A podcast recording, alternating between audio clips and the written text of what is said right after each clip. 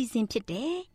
AWR မျော်လင့်ခြင်းအတန်လွင့်အစီအစဉ်ကိုစတင်တန်လွင့်မှာဖြစ်ပါတယ်ရှင်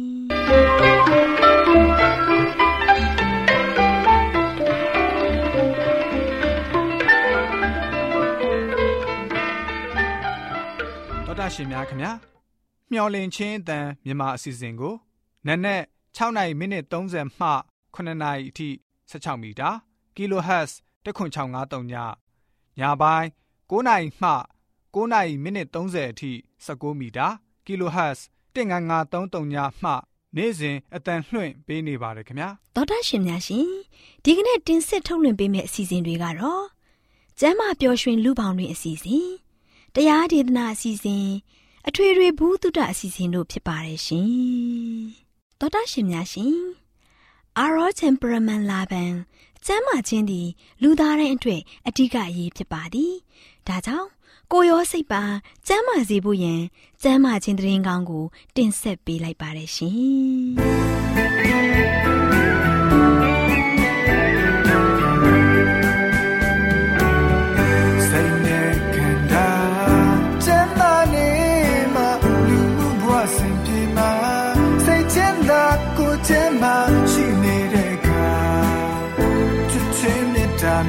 တော်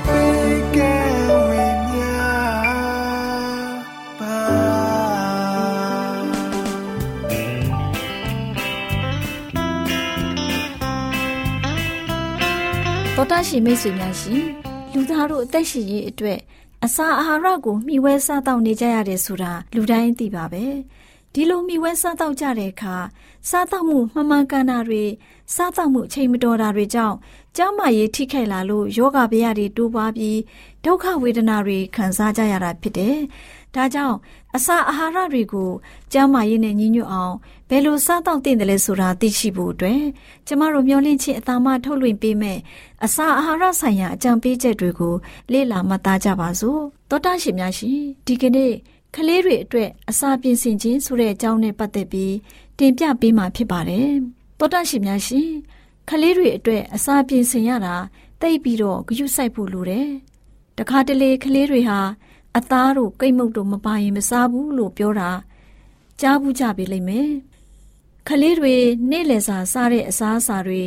နနက်စာစားတဲ့အစားအစာတွေကိုလည်းတတိထားမိကြလိမ့်မယ်။ဂျုံနဲ့ပြုတ်လုထားတဲ့ပေါင်မုတ် အကွေးလိုက်လှီးပြီးငရုတ်ကောင်းမုံဖြူထားတဲ့ဟင်းခအမွေးကြံရနံ့များတဲ့အသားတွေအသီးအရွက်စားစိမ်ပေါင်မုတ်စားတဲ့အစာတွေကိုခလေးတွေကိုကျွေးနေတတ်ကြတယ်။အဲဒီလိုခလေးတွေရဲ့အသားရည်ဟာဖြော့တော့၆ခန်းနေရခြင်းမှာသူတို့ရဲ့အစာအိမ်တို့ရဲ့မကြမ်းမမာမှုကိုဖော်ညွှန်းနေခြင်းဖြစ်တယ်။တချို့မိခင်တွေဟာကျမတို့ကလေးတွေကဒါကိုတိတ်ကြိုက်တာဟိုဟာကိုတိတ်ကြိုက်တာ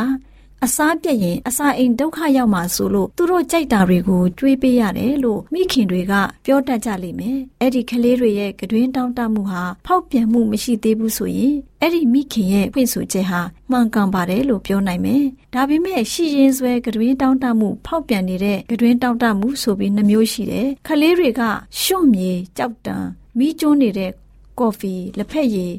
တစ်ကြပိုးခေါက်လေးညင်းပွင့်မဆလာ ဒါတွေကိုကတွင်းတွေ့နေတဲ့အခြေရောက်အောင်ကျမ်းမာရေးကိုထိခိုက်စေတဲ့သွေးကြွစေတဲ့အစာတွေကိုစားတတ်အောင်သွန်သင်ခဲ့တဲ့မိဘတွေဟာအစာအိမ်ကတောင်းဆိုချက်အတိုင်းကတွင်းတောင်းတနေတယ်လို့မဖွင့်ဆိုသင့်ပါဘူးမကောင်းတဲ့အစာတွေကိုဆွဲလန်းနေတဲ့အခြေအထိကတွင်းကိုမှားယွင်းစွာကျင့်ပေးခဲ့ကြတာဖြစ်တယ် နုညံ့တဲ့အာယုံခံစားမှုတွေဆုံးရှုံးသွားတဲ့အထိအစာအိမ်မှာရှိတဲ့အရေးပါတဲ့အင်္ဂါအစိတ်အပိုင်းတွေပျက်စီးခဲ့ပြီဖြစ်တယ်။ရိုးစင်ပြီးကျမ်းမာရေးကို အထောက်အကူပြုမဲ့အစာတွေကိုကတွေးမတွေ့တော့ဘူး။သွေးကြွစေမဲ့အစာတွေကိုမထည့်ပေးရင် အစာအိမ်ဟာအစာကိုမချက်တော့ပါဘူး။တကယ်လို့သာအသားတွေအစီတွေနဲ့ဟင်းကအမွေးကြံတွေကိုမကြွေးပဲငကိုရှိရင်ဆွဲအင်္ဂါအစိတ်ပိုင်းတွေကိုတတ်နိုင်သမျှထိမ့်သိမ့်စေမဲ့ ရိုးစင်းတဲ့အစာတွေကိုအယိုးဆုံးနီးနဲ့ပြုတ်ပြင်ပြင်ဆင်ပြီးနှုတ်ဆိုတငယ်ဘဝကစပြီးကျွေးခဲ့ကြမယ်ဆိုရင်ဒီလိုကတွင်းပြက်စီးလိမ့်မှာမဟုတ်ပါဘူးသူတို့ရဲ့တဘာဝအခြေအနေမှာအစာအိမ်ရဲ့လိုအပ်ချက်တွေအတိုင်းအကောင်းဆုံးအစာတွေကိုကတွင်းတောင်းနေကြလိမ့်မယ်တတချို့သားမိသားဖတွေစားတဲ့အစားအစာတွေဟာကောင်းတဲ့သွေးသားဒါမှမဟုတ် ချိုသာတဲ့စိတ်ထားတွေကိုမဖြစ်ပေါ်စေနိုင်ပါဘူးခလေးတွေမှာဖြူပဖြူရောဖြစ်ပြီးမျက်နာနဲ့လက်တွေမှာအနာတွေပေါက်နေတတ်တယ်တချို့ကလေးတွေမှာမျက်စိကန်းလူမတမျက်စိစူးနေတတ်ကြတယ်ကြည့်ရတာအင်မတန်မှရုပ်ဆိုးလာတယ်တချို့မှာအသားရည်ကောင်းပေမဲ့ချောင်းဆိုးတာတွေအသက်ရှူကျက်တဲ့ဝေဒနာတွေနာရည်ယိုတဲ့ဝေဒနာတွေကိုခံစားနေကြရတယ်ကလေးငယ်လေးတူဟာအကွင်းလိုက်လှီးပြီးပြုတ်ထားတဲ့အသား စားရည်စိမ်တစ်ခုနဲ့ပေါင်မုတ်ထောပတ်တုပ်ကို စားနေတဲ့အချိန်မှာသူမကိုပန်းသီးတစ်လုံးပေးလိုက်လို့ရှိရင်သူမဟာအဲ့ဒီပန်းသီးကိုလူယူပြီးတော့ကျမ်းပြင်ပေါ်ကိုလွတ်ပစ်လိုက်ပါလိမ့်မယ်။အလိုရမဲ့ကြီးချင်းကိုဒီလိုဖြစ်ပေါ်ပေါ်လွင်ထင်ရှားစေရခြင်းဟာမိခင်ရဲ့လောကပျော်မွေ့ခြင်းလိုက်စားမှုဆိုင်ရာရလဒ်ဖြစ်တယ်။မိမိကလေးငယ်အတွက်သူမပြင်ဆင်ပေးတဲ့အစာတွေဟာ အစာချေတဲ့အင်္ဂါအစိတ်အပိုင်းကိုစက်တိုက်ဝန်လေးစေခဲ့တယ်။ဒါကြောင့်သွေးဟာမတန့်စင်တော့ပဲအဲ့ဒီကလေးငယ်ဟာဖျားနာပြီးစိတ်တူနေတတ်တယ်။ဒီကလေးကိုနေ့စဉ်ကျွေးနေတဲ့အစာတွေဟာသူ့ရဲ့ညံ့ပြင်းတဲ့ရမက်စိတ်ထားကိုနှိုးဆွပြီးတော့အကျင့်စာရိတ္တနဲ့အသိဉာဏ်တွေကိုနှိမ့်ကျသွားစေပါတယ်။မိဘတွေဟာ သူတို့ရဲ့သားသမီးတွေမှာအဲ့ဒီအကျင့်စရိုက်ကိုပြိုးထောင်နေခဲ့ကြတာဖြစ်တယ်။အာတစိတ်ပြင်းထန်ပြီးတော့မေတ္တာတရားနှဲပါအောင်လှုပ်ဆောင်နေခဲ့ခြင်းဖြစ်တယ်။သူရဲ့အလိုကိုမထိန်သူရဲ့ရမက်မချုပ်ထိန်နိုင်ခဲ့တဲ့အတွက်ဒီကလေးငယ်ကြီးပြင်းလာတဲ့အချိန်မှာဘယ်လူဒန်းစားမျိုးဖြစ်မလဲဆိုတာသူတို့မျှော်လင့်နိုင်ကြမှာမဟုတ်ပါဘူး။ခန္ဓာကိုယ်နဲ့စိတ်ဝိညာဉ်တို့ရဲ့ဆက်ဆက်နေပုံတွေကို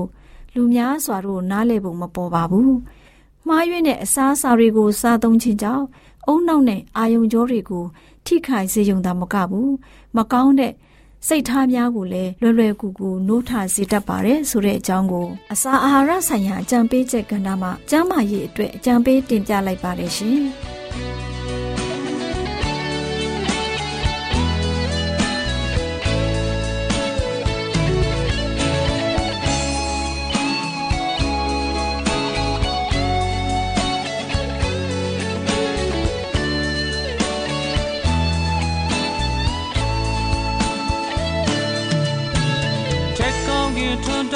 ရွှေပြည်တော်ထာဝရိုင်းတော်ကိုမွေခံမှုလေ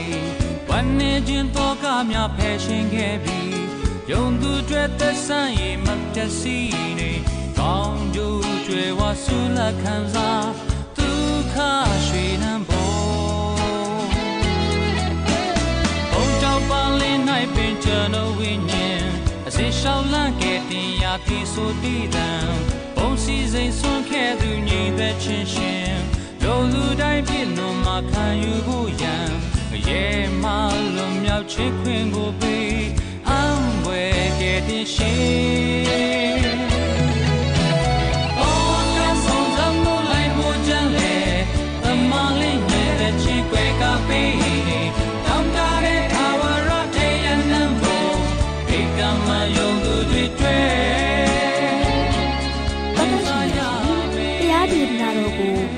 ဦးတင်အောင်ဆန်းမှဟောကြားဝင်ငါပေးมาဖြစ်ပါတယ်ရှင်။နာတော်တာစီရင်ခွန်အားယူကြပါစို့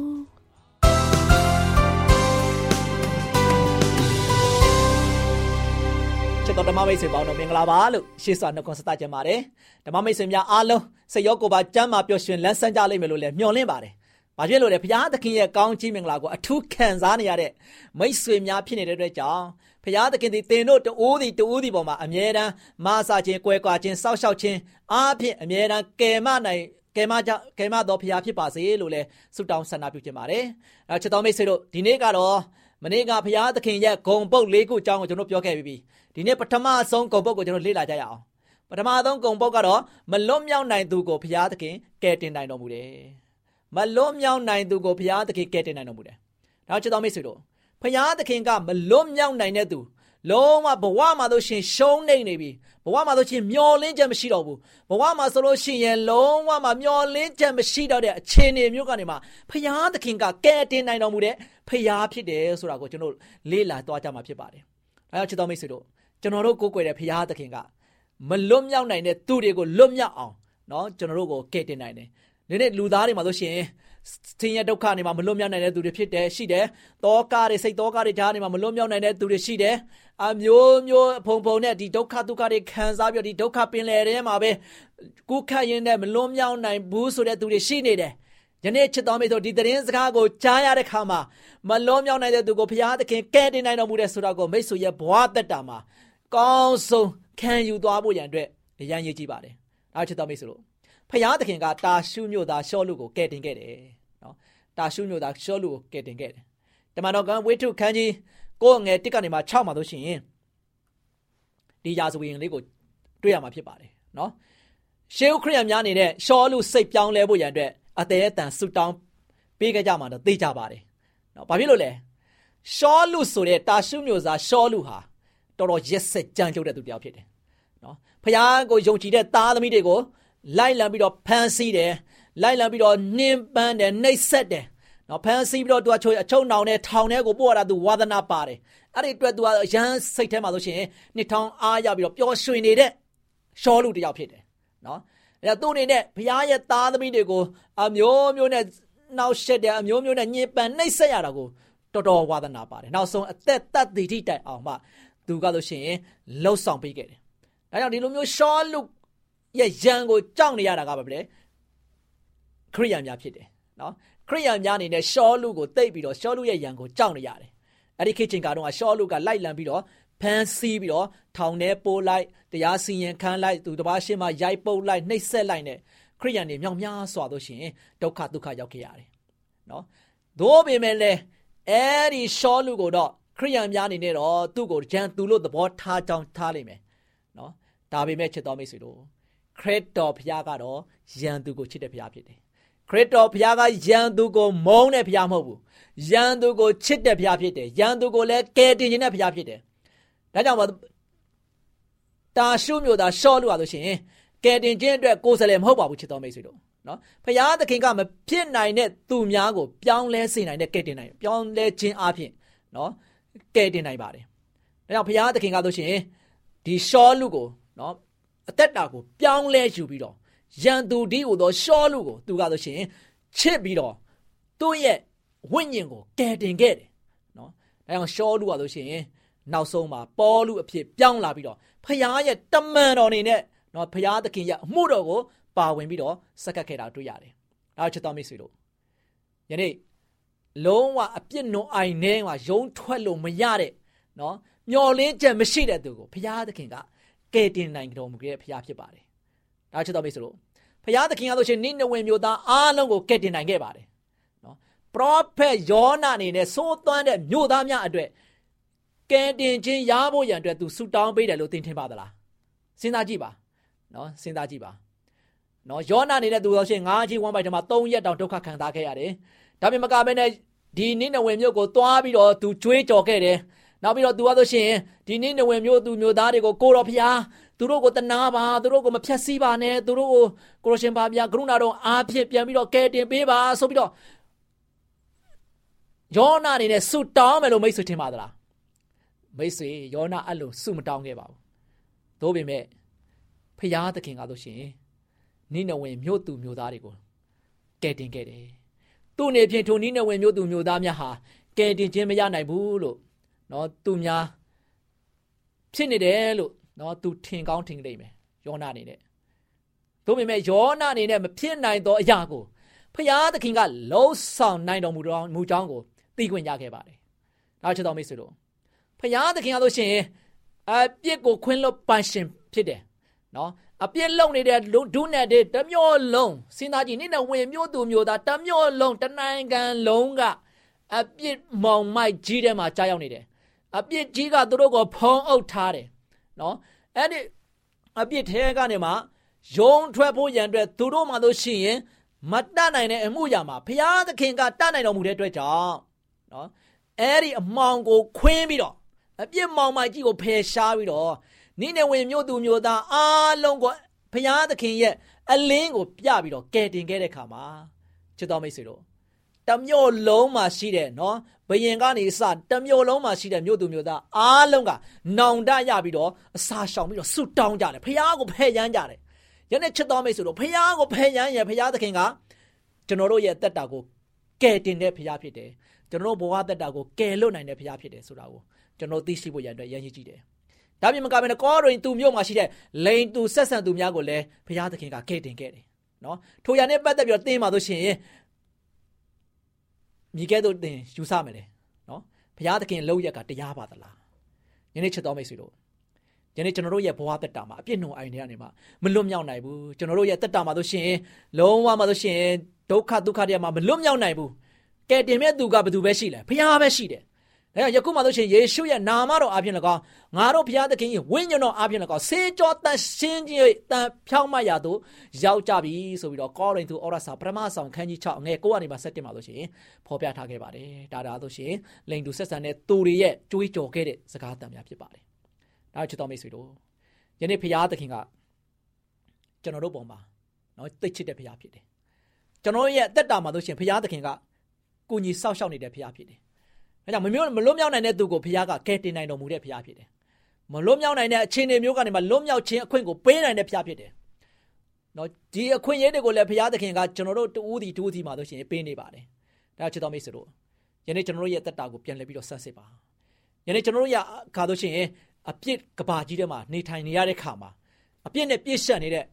အခြေအနေမျိုးမှာကျွန်တော်တို့ရင်ဆိုင်နေရတဲ့ခါမှာယနေ့မလွတ်ကျွန်တော်တို့ရဲ့တက်တာမှာမလွတ်မြောက်နိုင်ဘူးလို့ထင်မြင်ယူဆနေတယ်ဆိုရင် ယနေ့ချက်တော်မိတ်ဆွေယခုချက်ချင်းဖရာသခင်နဲ့တူဖန်ရန်လိုက်ပါနေနဝင်မျိုးသူမျိုးသားတွေကအားလုံးကဖရာသခင်ဒီကိုကြွေးကြော်ပြီးတော့ဖရာသခင်ဒီကိုတကယ်ပဲစက္ကတ်တဲ့ခါမှာလွတ်မြောက်ခြင်းခံခဲ့ရတယ်လို့ယနေ့ကျွန်တော်တို့အားလုံးကဖရာကိုစက္ကတ်ပြီးတော့ဖရာနဲ့တူလက်တွဲပြီးတော့ဖရာသခင်ရဲ့ဘုန်းတော်ကိုခံစားပြီးတော့ယနေ့လွတ်ချင်းခွင့်ကိုခံစားပြီးတော့ဘုရားသခင်ရဲ့ကယ်တင်နိုင်တော်မူတဲ့ဘုရားကိုကျွန်တော်တို့အားလုံးကဖန်ရမ်းမိကိုကြပါစို့ဘုရားမှလွဲ၍ကယ်တင်နိုင်တော်မူတဲ့သူမရှိဘူး ဒီကယ်တင်နိုင်တော်မူတဲ့ဘုရားကိုကျွန်တော်တို့အားလုံးကဖန်ရမ်းမိကိုပြီးတော့ဘုရားနဲ့တူလက်တွဲပြီးတော့ဘုရားဘက်မှာတစ္ဆာရှိတဲ့ငယ်သားကောင်းတည်တည်ဖြစ်ကြပါစေလို့အားပေးတိုက်တွန်းတဲ့နေကိုချုပ်ပါတယ်ချစ်တော်မိတ်ဆွေများအားလုံးပေါ်ဘုရားသခင်ကြွယ်ဝမြတ်ပြစွာကောင်းကြီးမလားတလောင်းချပေးပါစေကိတ္တကနာဆုတောင်းကြပါစို့အထက်ကောင်းငယ်ပေါ်၌တရှိမထောက်ရရှင်ပါဗျာယနေ့မလုံးမြောက်မလုံးမြောက်နိုင်သောသူအဖို့ဘုရားသခင်ကလွတ်ချင်းအဖွင့်ကယ်တင်ခြင်းကိုပေးခဲ့တဲ့ဘုရားဖြစ်ပါတယ်အဖဗျာ ဒီနေ့သားမျိုးတို့ဒီတာရကတွေအားဖြင့်ရှောလူရဲ့မလွတ်မြောက်နိုင်တဲ့မှောင်တူကြီးတွေကနေမှာကိုရှင်ဖျားသည်ကဲတင်တော်မူ၍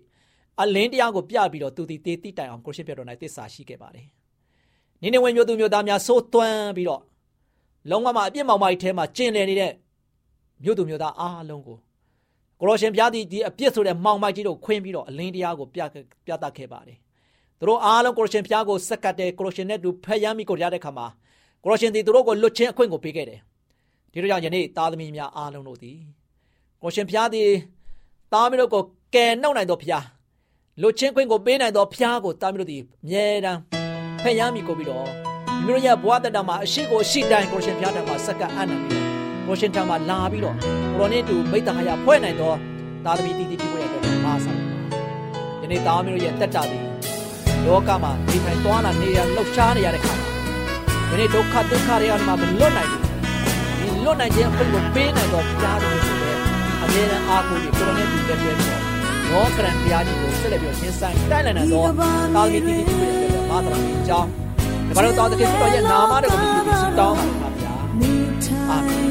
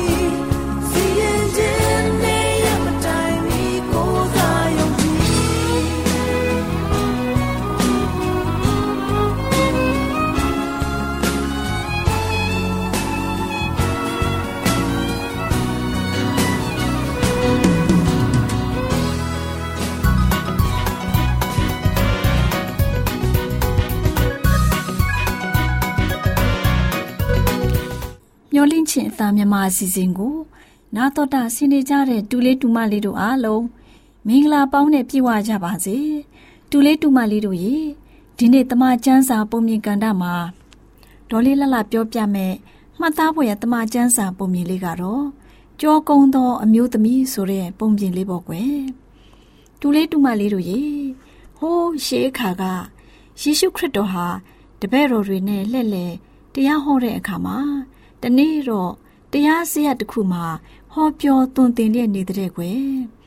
အဲ့ဒီအချိန်မှာတရားစရထဲမှာ18နှစ်ပတ်လုံးနောက်မိတ်စာဝင်ပူးတဲ့အတွက်မတန်မစွမ်းဖြစ်နေတဲ့အမျိုးသမီးတယောက်ရှိနေတဲ့ကွယ်သူမဟာကြောကုန်းပြီးသူ့ရဲ့ခါးကိုလုံးဝမဆနိုင်ပဲရှိနေတဲ့ကလေးတို့ရေကြောကုန်းနေတယ်ဆိုတော့လမ်းလျှောက်လို့လည်းအဆင်ပြေမှာမဟုတ်ဘူးပေါ့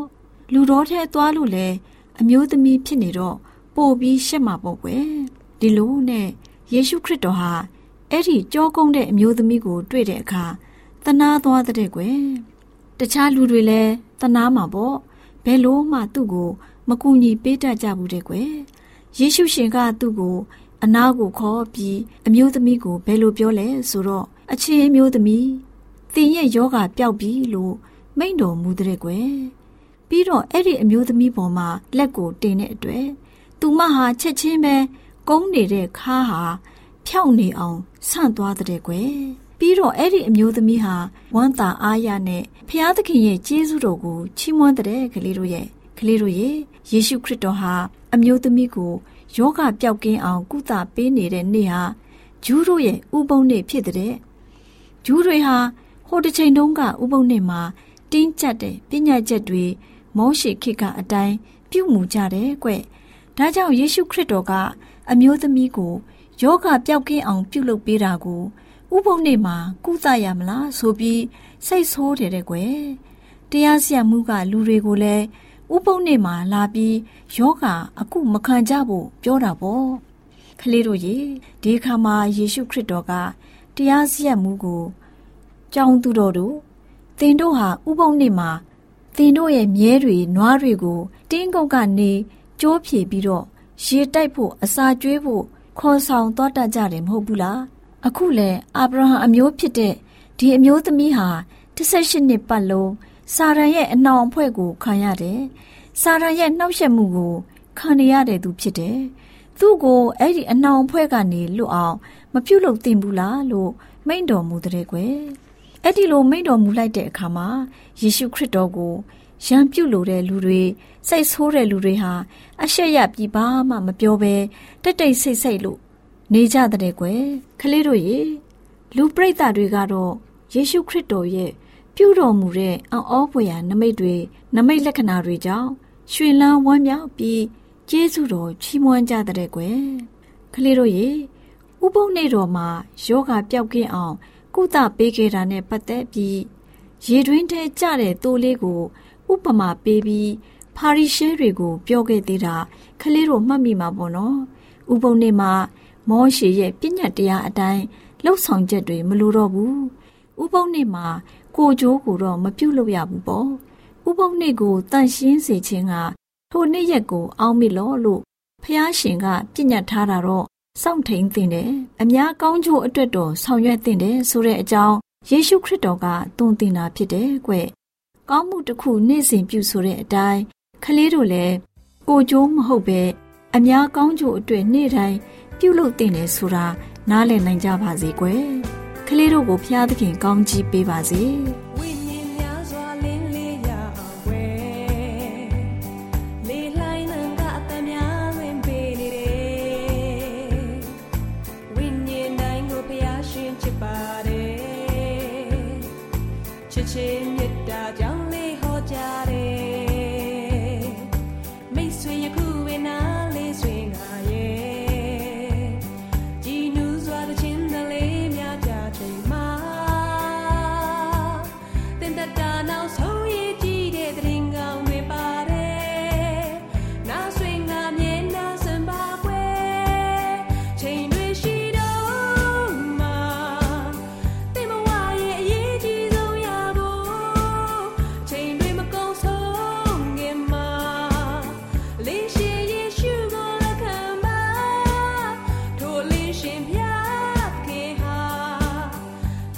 တော်တာရှင်များရှင်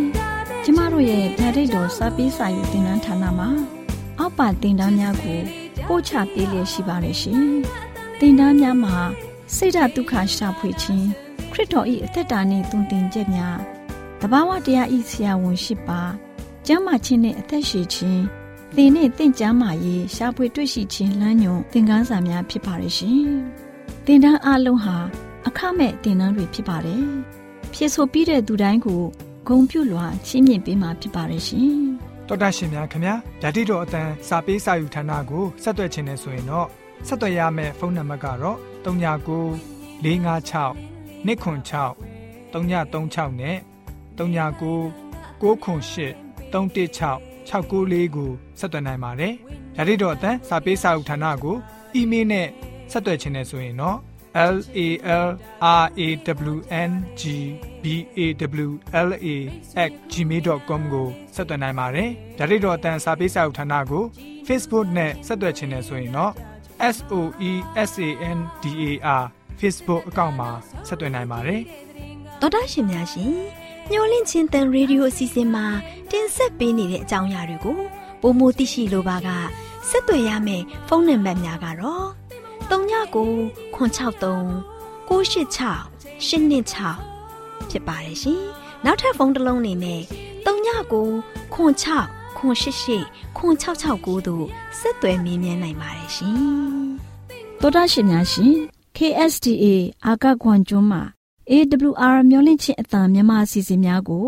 အတံလွှင့်ခဲ့ခြင်းဖြစ်ပါတယ်ရှင်။ AWR မျော်လင့်ခြင်းအတန်ကိုနာတော်တာဆင် गे ကြတော့တောတာရှင်အရောက်တိုင်းပေါ်မှာ ဖျားသခင်ရဲ့ကြွယ်ဝစွာသောကောင်းကြီးမင်္ဂလာတက်ရောက်ပါစေ။ကိုယ်စိတ်နှဖျားစမ်းမွှေလန်းကြပါစေ။ကျေးဇူးတင်ပါတယ်ခင်ဗျာ။